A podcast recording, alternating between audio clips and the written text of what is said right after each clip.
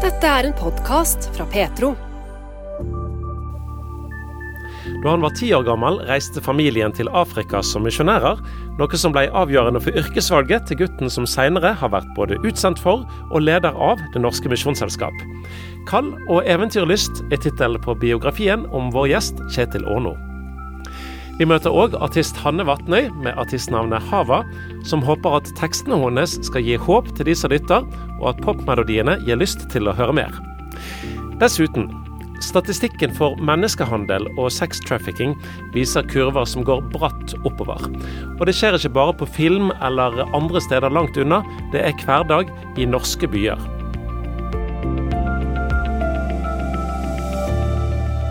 Til slutt i denne ukens oppsummert podkast fra Petro møter vi òg Arnfinn Klemetsen, som reflekterer over historien der fire venner går løs på et hustak, rett og slett, lager et hull, for så å fire båren med vennen sin på ned til Jesus.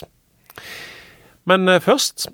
I sitt yrkesaktive liv har han altså jobbet som misjonær, vært øverste leder for Det norske misjonsselskap, NMS, og òg jobbet som prest i Den norske kirke.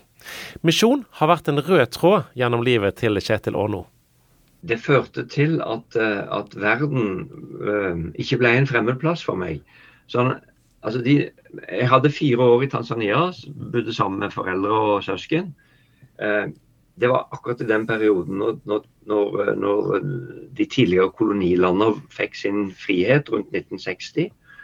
Uh, og, og, og, samtidig så, så, var det akkurat i den perioden når de, de, lokale kristne kirkene som vokste fram på bakgrunn av vestlig misjon, stort sett, da, ikke alle, men stort sett, fikk også sin frihet og ble selvbevisste som selvstendige, likeverdige kirkesamfunn. Og Selv om jeg bare var eh, 10-14 år og ikke fikk med meg alle disse tingene, så la det et grunnlag som, som gjorde at jeg, at jeg tenkte um, ja, det er like naturlig for meg å gjøre, å gjøre tjeneste i et land utenfor Norge som i Norge.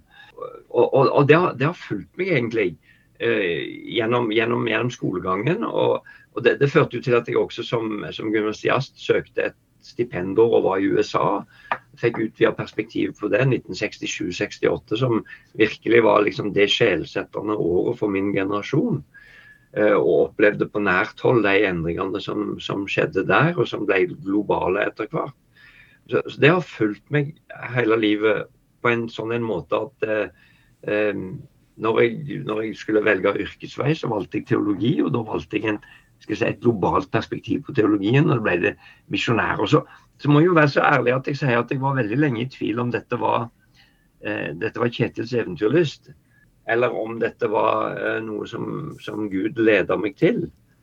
Eh, så fikk jeg jo et godt, eh, godt råd av en klok gammel mann da, som, som, i en sånn kritisk situasjon, når jeg var sjølkritisk og lurte på hva, hva, dette var, stilte meg spørsmålet men hvem tror du det er som har gitt deg eventyrlysten, da, Kjetil? Og, og, det ble på en måte en sånn frigjørende opplevelse. tenker jeg, ja, men Da kan jeg bruke de gavene som jeg har fått. både både talenter og, og lyster uh, i, en, i, en, global tjeneste. Og det har jeg forsøkt etter beste evne å gjøre. Hvilke eventyrlyst er det du har uh, hatt med deg? Ja, altså Det å bli kjent med andre mennesker og oppleve andre eh, politiske, um, sosiale og, kulturelle omgivelser. nå havna jeg etter hvert litt om og men på Madagaskar, som jo er et et, et, eh, spesielt land med en særegen kultur og et selvbevisst og veldig sjarmerende folk. Og som samtidig er både fattig og, eh, og til dels uorganisert, politisk i alle fall. Eh, og, og, og, det vekte jo det vekte min nysgjerrighet veldig sterkt. og det, det, var et privilegium å få gå inn og forsøke å lære seg et annet språk en annen måte å tenke på. Det tror jeg har vært vært viktig for meg i møte med mennesker fra, fra både Norge og andre land. Å ha med seg en bevissthet om at, om at det, vi er veldig like, og samtidig så tenker vi ganske ulikt. Men, men logikken vi bruker, den, den, er like logisk, den er bare litt ulik. Det å være misjonær og det å vokse opp med foreldre som har vært misjonærer, du bodde på internat, du kom til et uh, helt annet verdensdel, veldig ulik Norge det å sette ord på de vanskelige tingene, altså det, det som har vært krevende, hvordan, eh, var det rom for det da? Ja, ja da. Eh, og det var ting som var vanskelige. Det var ytre ting som var vanskelige. Eh, altså, og hvis folk vil lese boka, så er det faktisk en del ganske spennende ytre, ytre ting der. Eh, som jeg ikke trenger å gå inn på nå. Men altså, det, det, fordi at, altså, folk har jo sine egne forutsetninger. Og når vi kommer fra utlandet eh, og skal slå oss ned på en plass relativt langt på landet, så, så tenker de kanskje at vi har andre eh, motivasjoner for det enn en, en, en de, de, som er våre. Så, så, her ligger det, og, og, og, det er språklige misforståelser, så her ligger det ganske mange muligheter. Men jeg vil heller framheve det motsatte og si det å havne i en annen språklig, kulturell setting, det, det er, da, da, skjønner du jo at her må, jeg, her må, jeg, faktisk tolke. Her må jeg lære å lytte. Ikke bare til overflaten, men her må jeg, må jeg prøve å se på de bakenforliggende mønstre. Hva er det som skjer? Hva er det som driver folk? Og Det tror jeg har vært veldig nyttig for meg også når jeg kom tilbake til Norge etter en sånn tiårsbolk i utlandet. Uh, og prøve å se, Men det skjer jo faktisk endringer også i vårt land. Uh, og når du bor her og er her fra dag til dag, så er ikke de endringene så veldig tydelige. Men hvis du har lært deg til å tolke uh, til å prøve å tolke signaler i en annen sammenheng, og har vært vekke en stund, så, så blir du kanskje også åpen for å se at at det skjer faktisk noen grunnleggende kulturelle endringer som har mye å si for hvordan en skal være kirke, hvordan en skal drive organisasjonsarbeid. Og som fører til at, at, at ting kanskje ikke er så selvsagt og enkle som før. Uh, og, og, dette har, har, gitt meg veldig mange gode impulser. Jeg, jeg har ikke funnet løsningene, men jeg, har, jeg, jeg tror jeg har bidratt til å kunne sette ord på en del av de utfordringene som en står overfor i Norge. Men når du har erfaring fra andre uh, måter å se ting på, altså det å drive misjon på Madagaskar er jo en helt annen uh, virkelighet enn det å drive misjon i Norge. Når du da kommer tilbake til Norge og, skal, og ser at ja, her kunne vi kanskje gjort det på en litt annen måte enn det, enn det vi gjør. Hvordan er det å ytre seg om sånne ting? Ble, ble, ble du hørt? Ja, altså, ja da, jeg, jeg, kan ikke klage på det. Altså, jeg, har fått, jeg, har, jeg har blitt blitt hørt på veldig mange måter. Men det henger sammen med uh, men, men, altså, jeg har ikke fått til noen sånn radikale endringer. Det har ikke blitt et annet land. Uh, men, men, men, bare for å si, bruke begrepet, da, ordet misjon. Ikke sant? Den, en, altså, det er et vanskelig ord uansett hvor i verden du er. For det, kan, det kan veldig fort ligge noe uh, Hør nå her, det er vi som har skjønt det. Nå må du se og ta deg sammen og, og, og, ta vårt perspektiv. Ordet misjon er minst like komplisert i Norge. Og, og særlig hvis du, hvis du, går en generasjon tilbake, så var det et, et veldig negativt lada ord. Eh, så, så, har eh, på en måte så er vi blitt velsigna av at, at Kirka og misjonsorganisasjonene har mista formell makt og posisjon. Og Det gjør at vi ikke lenger snakker til folk fra et maktperspektiv. ikke sant? Og Det gjør at misjon plutselig kan bli et, eh, et litt mer tvetydig og spennende, spenningsfullt ord. Eh, som vekker interesse. Uh, og, den, den, forståelsen av at det å være kirke i Norge er å være ei misjonerende kirke. Og det å være prest også er å være en, en, uh, en misjonær som inviterer mennesker inn i et nytt fellesskap som de ikke fra før kjenner. Den er det mye større åpenhet for nå enn det var for 30 år siden. Og Der håper jeg at jeg har kunnet yte et lite bidrag gjennom mine skal vi si, Eh, mine erfaringer fra Madagaskar. Og, og, og, og, gjennom å være eh, leder i Det norske misjonsselskap f.eks. i noen, noen år. I løpet av de årene Kjetil Aano har vært engasjert i Det norske misjonsselskap, så har Norge endret seg masse. Vi er blitt et av verdens rikeste land. Og betydningen av kirker og bedehus har endret seg fra å være en viktig og sentral del av samfunnet, til å bli en aktør som færre har et nært forhold til. Kristne er rett og slett ikke den eh, samme maktfaktoren lenger i eh, samfunnet som det en var på 1960- og 70-tallet, sier Kjetil Aano. Det er klart at vi har mista mye av den, den, eh, den posisjonen som vi hadde både i samfunnet generelt og ikke minst i lokalmiljøet. Uh, og, og, Det samme gjelder langt på vei Den norske folkekirka, altså Den norske kirka. Vi, vi, er ikke lenger den samme maktfaktoren Eh, som, som, som, dominerer. Vi sitter ikke i skolestyret i kraft av å være sogneprest lenger. og Det er masse sånne greier som har, som har endra seg både ytre sett, men også mentalt. Men samtidig skal en ikke undervurdere uh, den betydningen som den kirkelige og den folk, folkekirkelige tilknytningen har.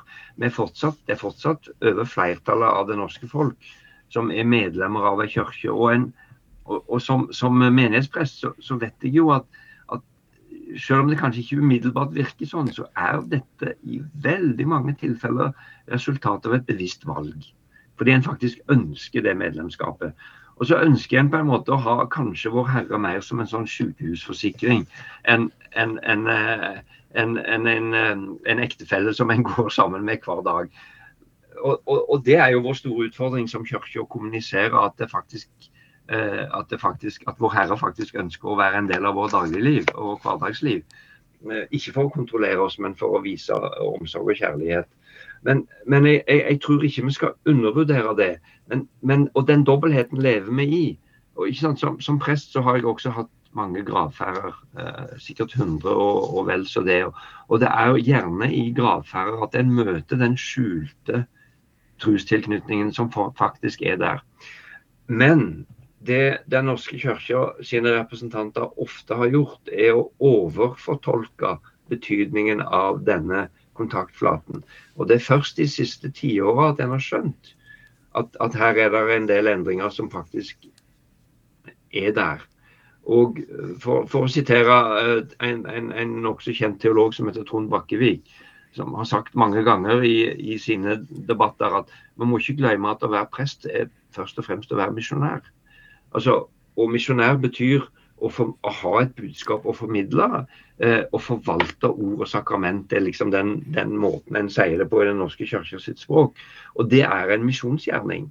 Eh, så ja, eh, det, dette, det har skjedd veldig mange store endringer. Og bevisstheten om at vi er i en situasjon der, der presterolla og menighetens rolle er å være like mye misjonær som en, som, en, som en, forvalter av en folkekirketradisjon, det tror jeg er veldig viktig. Og en må holde fast på begge de to tingene. En sa at det å være misjonær, det er å tilpasse seg eh, samfunnet for å skjønne de menneskene en ønsker å snakke med. Er det den måten jeg opplever at du, du ønsker at en skal jobbe som kristen òg i Norge?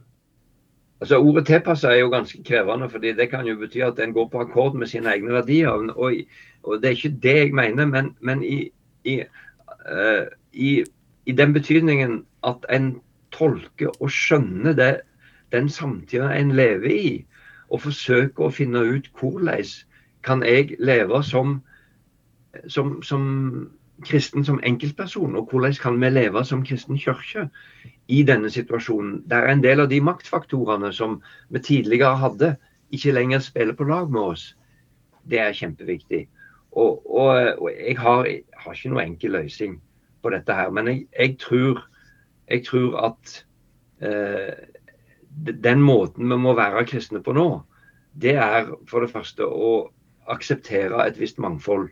Og Da snakker jeg ikke først og fremst om, om, teologiske meninger, selv om jeg mener faktisk at det er viktig å akseptere et visst mangfold der òg.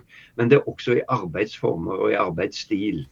Og, de, og Der har det skjedd store endringer i løpet av kort tid. Det er det første.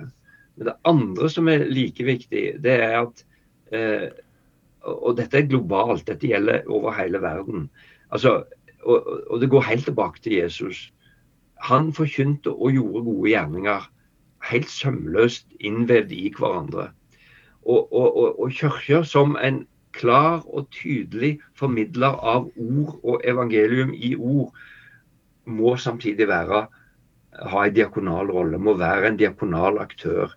Uansett om du er en pinsemenighet, en, en, eh, en forsamling knytta til, til Vestlandske eller til Internasjonsforbundet, eller du er en menighet i Den norske kirka.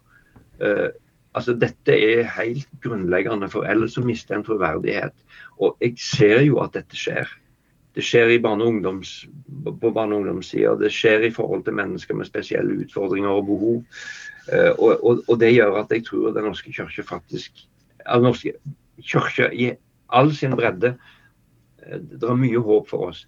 Og det tredje er dette må vi gjør ikke fordi det, vi har funnet ut at det virker rent teknisk, men fordi det faktisk gjenspeiler en, eh, et, et, ønske om å være et godt medmenneske. Om å eh, Altså, kjærligheten er Guds første gave til oss. eh, og den må vi formidle videre.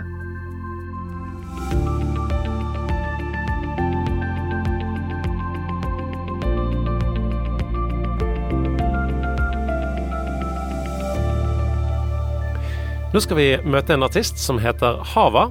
Det vil si det er altså et artistnavn, og bak det skjuler det seg eh, Hanne Vatnøy, som har gitt ut musikk helt siden eh, debutplaten sin i 2009. Til nå så har hun eh, allerede sluppet fire sanger fra et kommende album som skal komme neste år, bl.a. sangen 'Babylon'. Hanne Vatnøy tror at hun har fått en gave fra Gud til å lage musikk, og håper at sangene hun gir ut, kommer på hjernen til oss som lytter. Når jeg skriver låter, så kommer ofte melodien kommer først når jeg sitter med pianoet, og eh, da må det være noe som jeg føler beriker mitt liv sjøl, og noe som, som, forløser et eller annet. Sånn så jeg er jo glad i Jeg er født på 80-tallet og glad i melodier og, og lek med rytmer i melodiene. Så eh, Men så så syns jeg jo det er fantastisk òg hvis jeg kan fylle inn tekst som jeg syns det er, det er mening i eh, på disse melodiene. Så ja, det er jo derfor jeg vil at, eh, at folk skal ta det til seg og ja, få lyst til å lytte til det, da. Mm. Du er artist, og du, du, eh, du jobber òg eh, ved NLA-høgskolen i, i, Bergen som, som uh, høgskolelektor. Men, men, du ønsker å leve av musikken. Og det å være en musiker i dagens samfunn, hvordan, hvordan er det? Eh, ja, altså jeg er jo låtskriver og artist og har, um, har, drevet med dette egentlig hele livet. Så jeg har jo hatt uh, I hvert fall det å gå i studio og spille inn og produsere er jo kostbare prosesser, så da har jeg hatt uh, ofte andre engasjement og jobbengasjement ved siden av det for å, for å få inn tjene litt ekstra, sånn at jeg kan bruke det på, på dette prosjektet.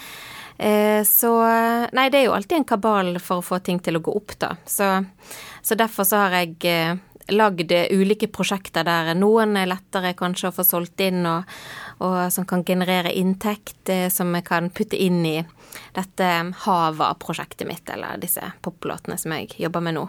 Mm. Men du er en erfaren artist. Første plata di kom ut i 2009. Ja. Og hva er det du, hva er du ønsker å formidle med musikken din? tror eh, Altså, jeg har jo skrevet låter, egentlig sånn, og melodier på piano hele livet, så jeg vet ikke. Jeg har jo lyst til å tilføre noe vakkert til verden, da. Eh, jeg har lyst til å Gjennomgående fra egentlig alle mine låter er det der med håpet. Håpet på noe. Eh, og i hvert fall min, mitt forrige soloalbum, som heter Elysium, som på en måte på engelsk et latinsk ord som betyr 'a place or condition of ideal happiness', eller som jeg har oversatt til norsk, er gleden av å inneha håpet på noe.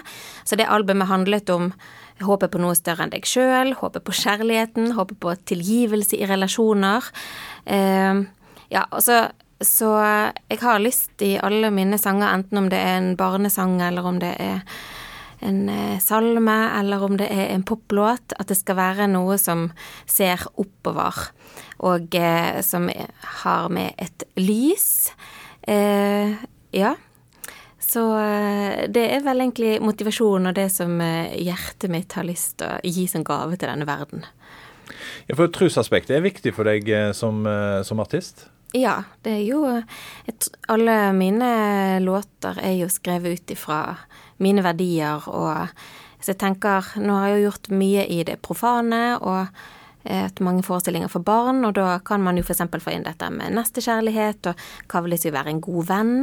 Så dette med med, ja, altså, og så er jo jeg kristen, og mitt kristne ståsted, er jo viktig for meg, og, og det der at eh, med I vår verden i dag så er det så mye som drar oss ned, og både eh, samfunnskrefter og kanskje mennesker òg, som kan bringe negativitet med seg. og så da tenker jeg at eh, Ja, så er det jo mye sammenligning. sant? Alle mennesker kan gå rundt og tro at ikke de er noe, de får ikke til noe, det kommer aldri til å gå. Og så går vi på en måte og drar oss nedover. Og så tenker jeg at det er jo ikke noe som kommer fra Gud, men det er noe som kommer fra verden. Så, så jeg eh, har jo lyst til å være en sånn sannhetsformidler med å si at hei, ting er mulig, og du er skapt til frihet, og ja. Nå skal vi høre en uh, sang. Eh, 'Babylon' heter den. og Det er jo en eh, bibelsk tilknytning til det navnet. Eh, er det rett tolka? Eh, ja, altså i denne låten så er det forskjellige ha, Låten har egentlig litt sånn ulike lag.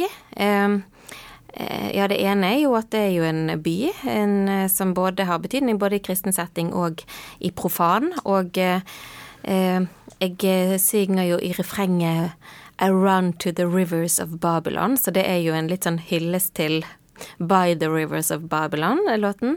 Eh, så er det jo òg andre artister som har låter som heter Babylon, som gjerne bringer med seg at det er et frihetens sted for det ene og det andre. Men eh, i min låt så har jeg lyst til at det skal være eh, At det skal bringe inn et lys og en frihet.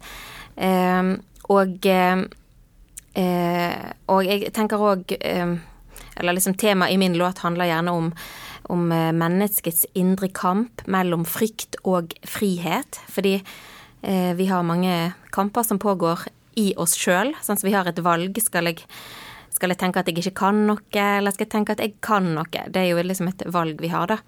Eh, så det er jo gjerne Ja. Jeg har laget en musikkvideo i hvert fall der det illustreres gjennom noen dansere som er der du har frykten ikledd svart og mulighetene og lyset ikledd hvitt. Ehm, så det er jo litt de der stemmene på skulderen som snakker til oss. Hanne Vatnøy lager ikke bare popmusikk under navnet Hava. Hun eh, lager òg musikk for barn og skriver teater. Håp og lys er viktig når hun lager musikk. Det er jo bare egentlig å se på verdensbildet og se hva er det som skjer i Norge og eh, Ja, nei, så i hvert fall i denne tid tenker jeg at eh, hvis du, hvis du, tenker på håpet, da, og jeg tenker at håpet bringer med seg lys, så kan jeg tenke at hvis ikke man har håp, hvis alt er håpløst, og vi bare kjenner på motløshet, så tror jeg liksom at vi mennesker går litt til grunne. Altså hvis vi Så la oss si vi slutter å tro, vi klarer ikke å tro. Hvis vi bare mister alt, så går jo alt egentlig bare nedover.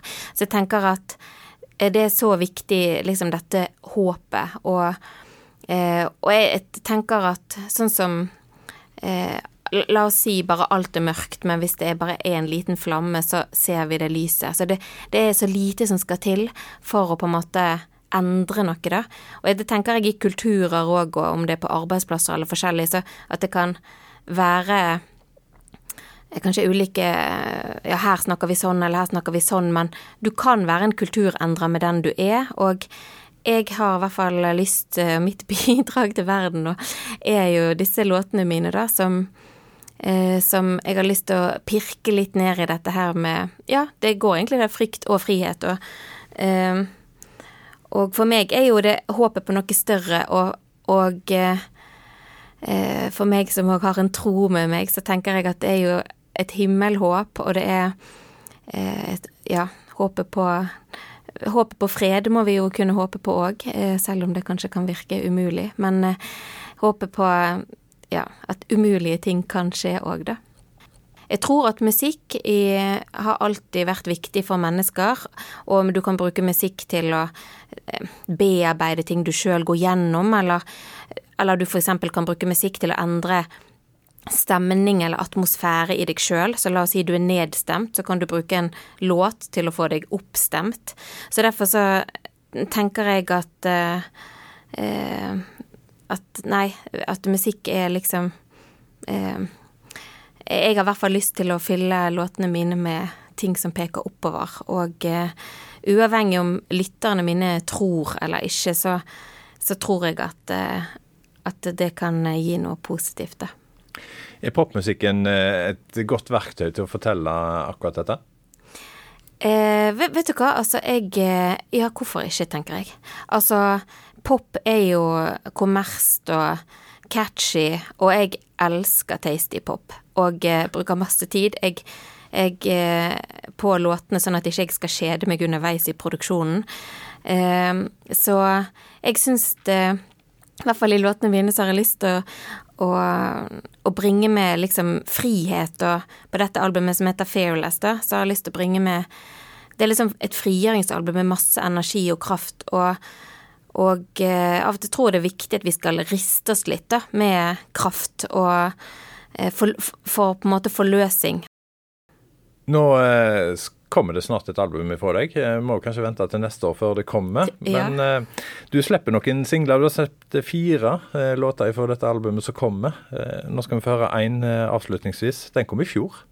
Ja, altså egentlig Det er ti låter som skal komme på dette albumet, da, som heter Fearless. Eh, og eh, jeg syns jeg er veldig stolt over produksjonene og, og innholdet, og jeg kan få frysninger når jeg hører på det. Og eh, kanskje fordi det, det går jo inn i eller dette budskapet som jeg brenner for, da. Dette med kanskje eh, at mennesker må våge å reise seg opp og riste litt av frykten, og våge å være utenfor komfortsonen, og eh, vi må våge å bare ha tro på oss sjøl, og, og det der tenker jeg spesielt da når man har fått noen talenter eller en drøm, så er det ikke sikkert at din bestevenn eller andre rundt deg har fått samme drøm, så da er det ganske hardt å være den ene som skal liksom gå og lage opp en sti som ingen har gått før deg.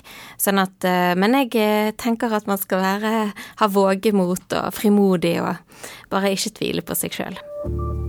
Det sa altså Hanne Vatnøy, som ble intervjuet av Bjørn Steinar Haugland.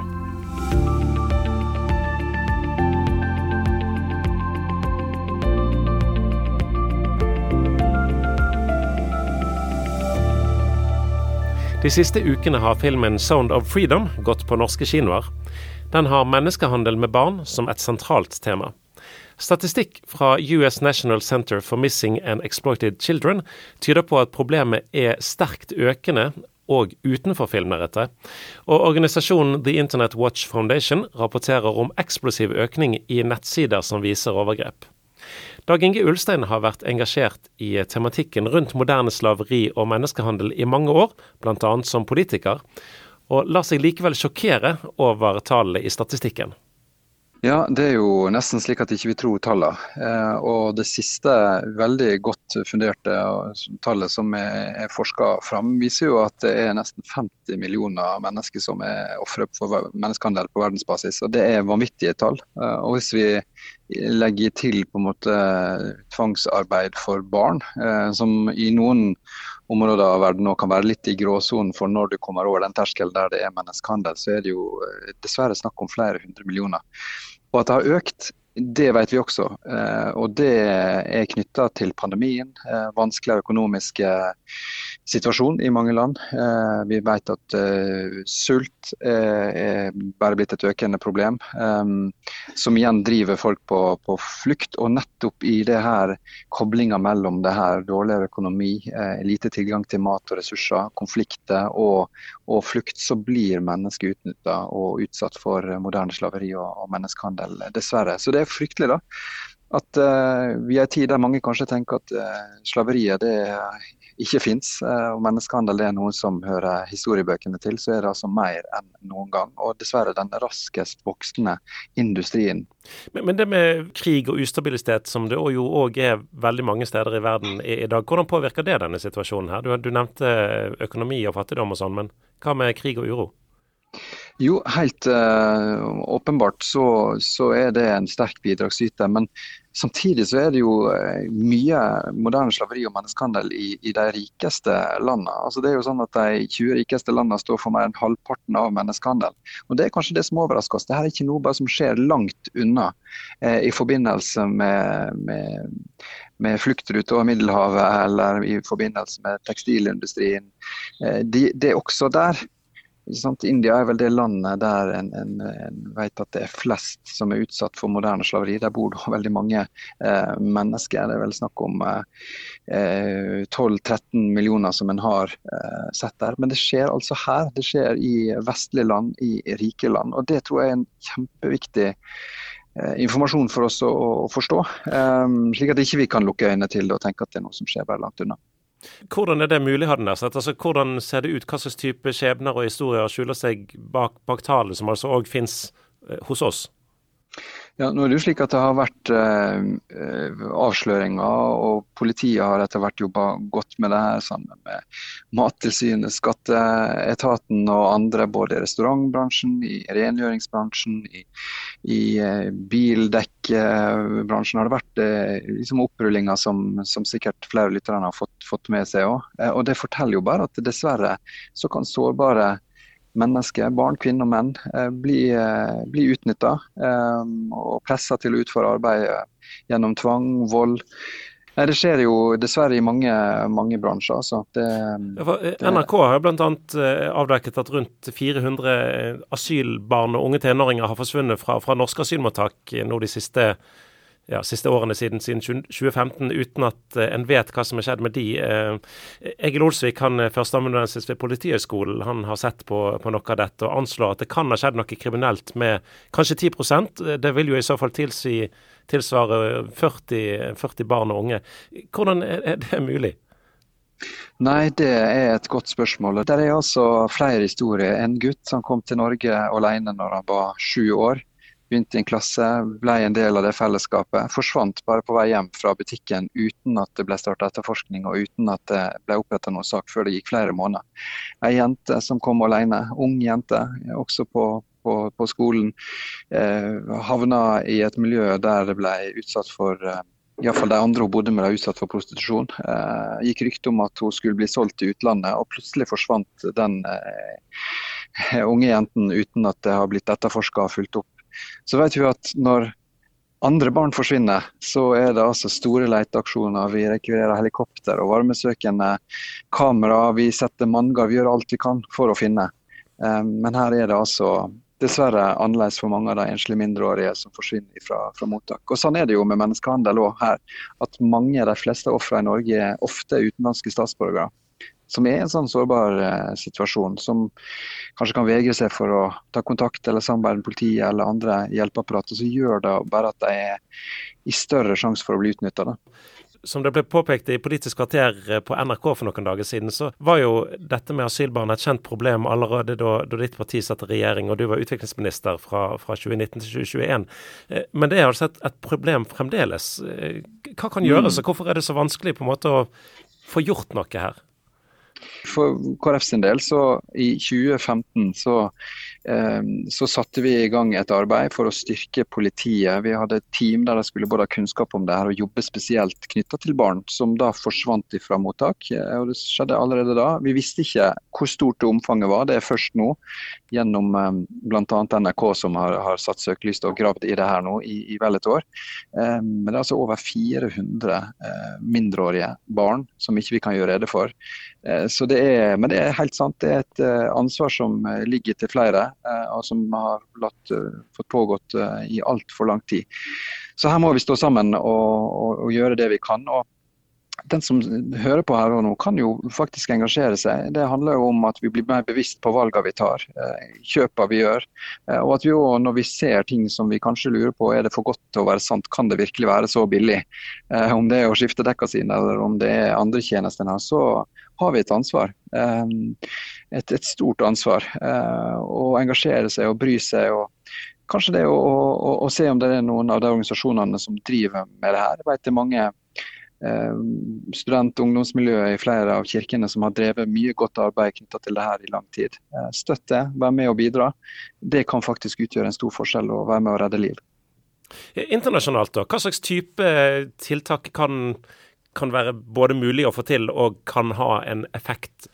Det store bildet er jo at, eh, som jeg sa, at det er knytta til både fattigdom og uh, ja, eh, rett og slett urolige områder av verden der en trenger mer stabilitet. Uh, der en trenger at barn får utdanning, at ikke de blir tvinga inn i arbeid. Der det er helsetjeneste, at en ikke blir så sårbare. Så den grunnleggende støtta til områder der det er krig og konflikt og, og, og veldig krevende tider, som har blitt verre med pandemien og, og den økonomiske krisa som er nå, det er jo en viktig premiss. Så kan vi gjøre òg veldig konkrete eh, tiltak. Jeg var sjøl med på eh, koble oljefondet sine investorer med FN sitt barnefond, slik at de kunne være med og se og sikre at ikke vi investerer i tekstilbransje, skoindustrien i, i Sørøst-Asia, uten å være med og sikre at de familiene har anstendige eh, lønn- og levevilkår. Og, og, Der har vi en fantastisk mulighet i Norge, eh, med de ressursene vi har til å, til å, å legge forventninger og krav bak det, ja, slike investeringer. Da. Og det har, Bare det har vært med å forandre flere millioner barn sine liv. Eh, det er et prosjekt som har pågått nå i, i snart eh, ja, sju-åtte år. Um, så vi kan gjøre mye i det små eh, som kan ha stor effekt. Og så har vi jo mulighet til å sette i gang store, viktige prosjekt som kan forandre livet og sikre at flere ikke havner ut i, i slaveri.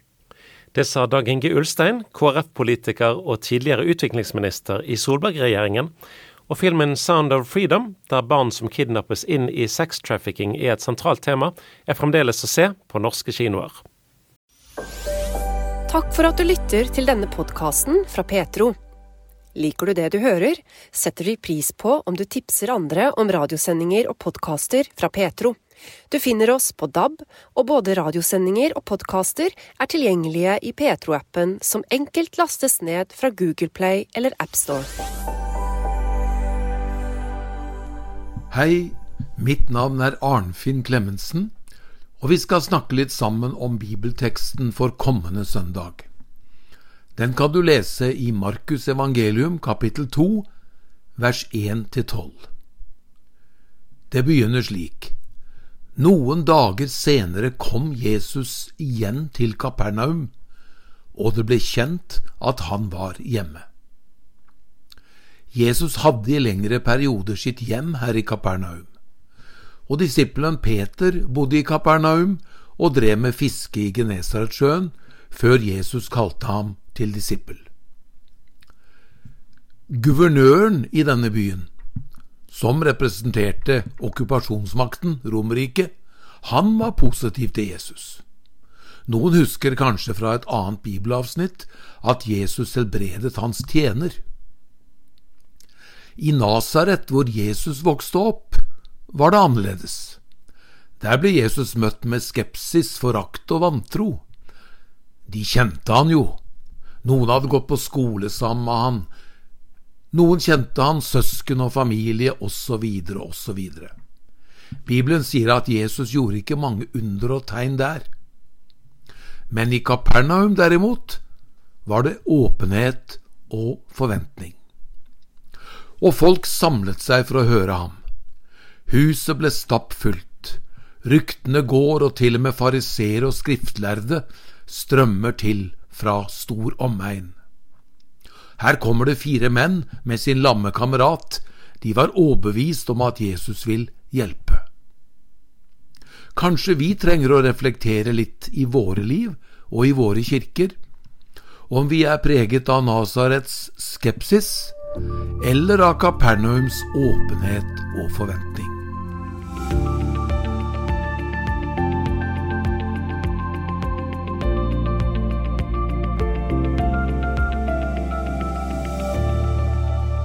Hør hva det står i vers 2 og 3. Det samlet seg så mange at de ikke fikk plass, ikke engang utenfor døren. Mens han forkynte ordet for dem, kom de til ham med en som var lam. Det var fire mann som bar ham.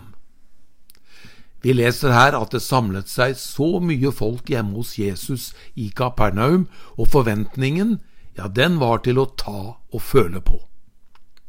Vi vet ikke akkurat hva han forkynte, men vi vet at det var fra loven og profetene, skriftene i Det gamle testamentet, som var deres bibel.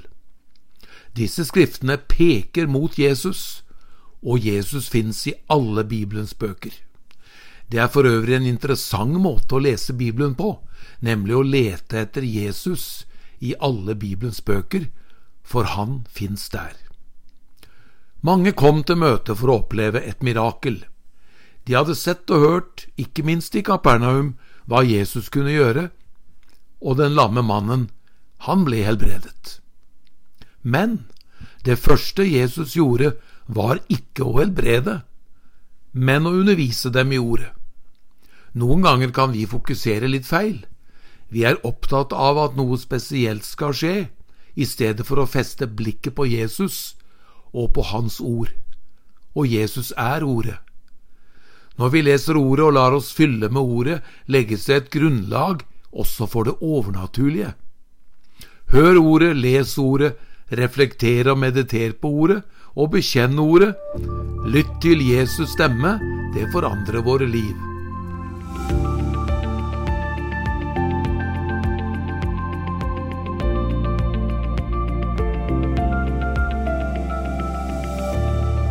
Og i vers 3 og 4 leser vi Mens han forkynte ordet for dem, kom de til ham med en som var lam. Det var fire mann som bar ham.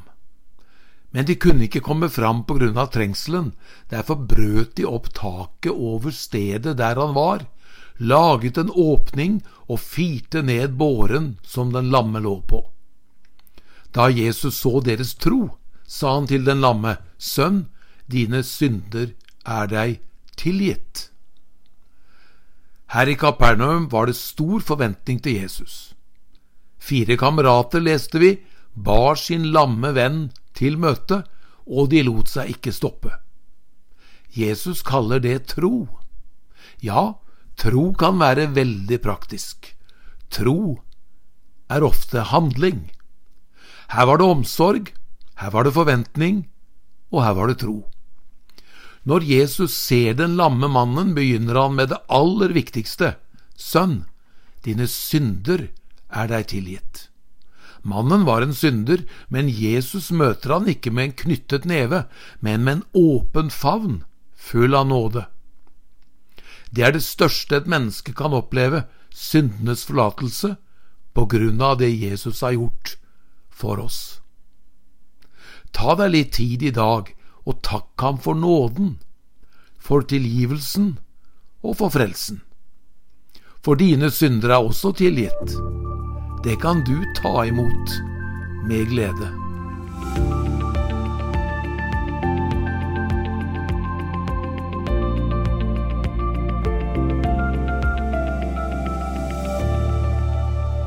Vi er i Kapernaum, hvor Jesus bodde i perioder. I denne byen var det åpent for Jesus. Den lamme mannen som de fire kameratene bar til Jesus, ble møtt med de skjønneste ord som noe menneske kan møtes med. Sønn, dine synder er deg tilgitt. Teksten forteller at det også var skriftlærde på møtet, og de var ofte skeptiske til Jesus. Vi leser fra vers seks til åtte. Nå satt det også noen skriftlærde der, og de tenkte med seg selv, hvordan kan han si slikt, han spotter Gud, hvem andre kan tilgi syndere enn én, det er Gud. Straks visste Jesus i sin ånd at de tenkte slik, og han sa til dem, Hvorfor går dere med slike tanker i deres hjerter? De skriftlærde syntes Jesus gjorde dette altfor enkelt. De søkte frelse og rettferdighet gjennom lovens vei, gjennom egne gjerninger og selvstrev, og de kunne ikke fatte at Jesus bare sa Dine synder er deg tilgitt. Hans enkle budskap utfordres deres rettroenhet og deres holdninger. Men Guds vei er enkel. Troen på Jesus og det han har gjort, holder til tilgivelse og til vår rettferdighet. Det gjelder deg og meg også.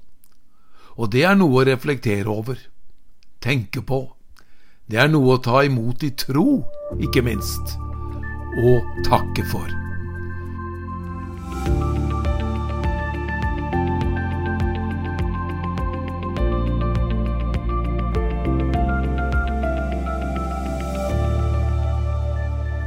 Jeg vil anbefale deg å lese søndagens tekst i Markus evangelium kapittel 12 og vers 1-12, og reflektere over den. Det er fullt hus hjemme hos Jesus i Kapernaum. Fire kamerater har båret en lam venn til Jesus. Dine synder er deg tilgitt, får han høre direkte fra Jesu munn. De skriftlærde fariseerne likte ikke dette, men Jesus spør dem hvorfor de tenker slik. Vi kan lese fra vers 9 til 12, og Jesus sier, Hva er lettest å si til den lamme? Syndene dine er tilgitt, eller stå opp, ta båren din og gå. Men for at dere skal vite at menneskesønnen har makt på jorden til å tilgi synder, og nå vender han seg til den lamme, jeg sier deg, stå opp, ta båren din og gå hjem. Og mannen reiste seg, tok straks båren og gikk ut rett for øynene på dem, så alle ble ute av seg av undring de priste Gud og sa, noe slikt har vi aldri sett. Jesus viser her sin kjærlighet og kraft rett foran øynene på både troende og tvilere. Jesus har omsorg for oss, for hele mennesket. Han kan helbrede fra sykdom, slik han gjorde her. Og det aller viktigste, han er den eneste som kan tilgi synd, fordi han bar hele verdens synd til korset og ga sitt liv for alle, ja, for deg og meg. Stå opp, ta båren din og gå hjem, sa Jesus. Og på denne måten demonstrerte han sin omsorg for hele mennesket rett foran en forsamling slått av forundring, som priste Gud. Gud har omsorg for deg og meg, det er noe å takke for. Gud velsigne deg, ha en god dag i dag.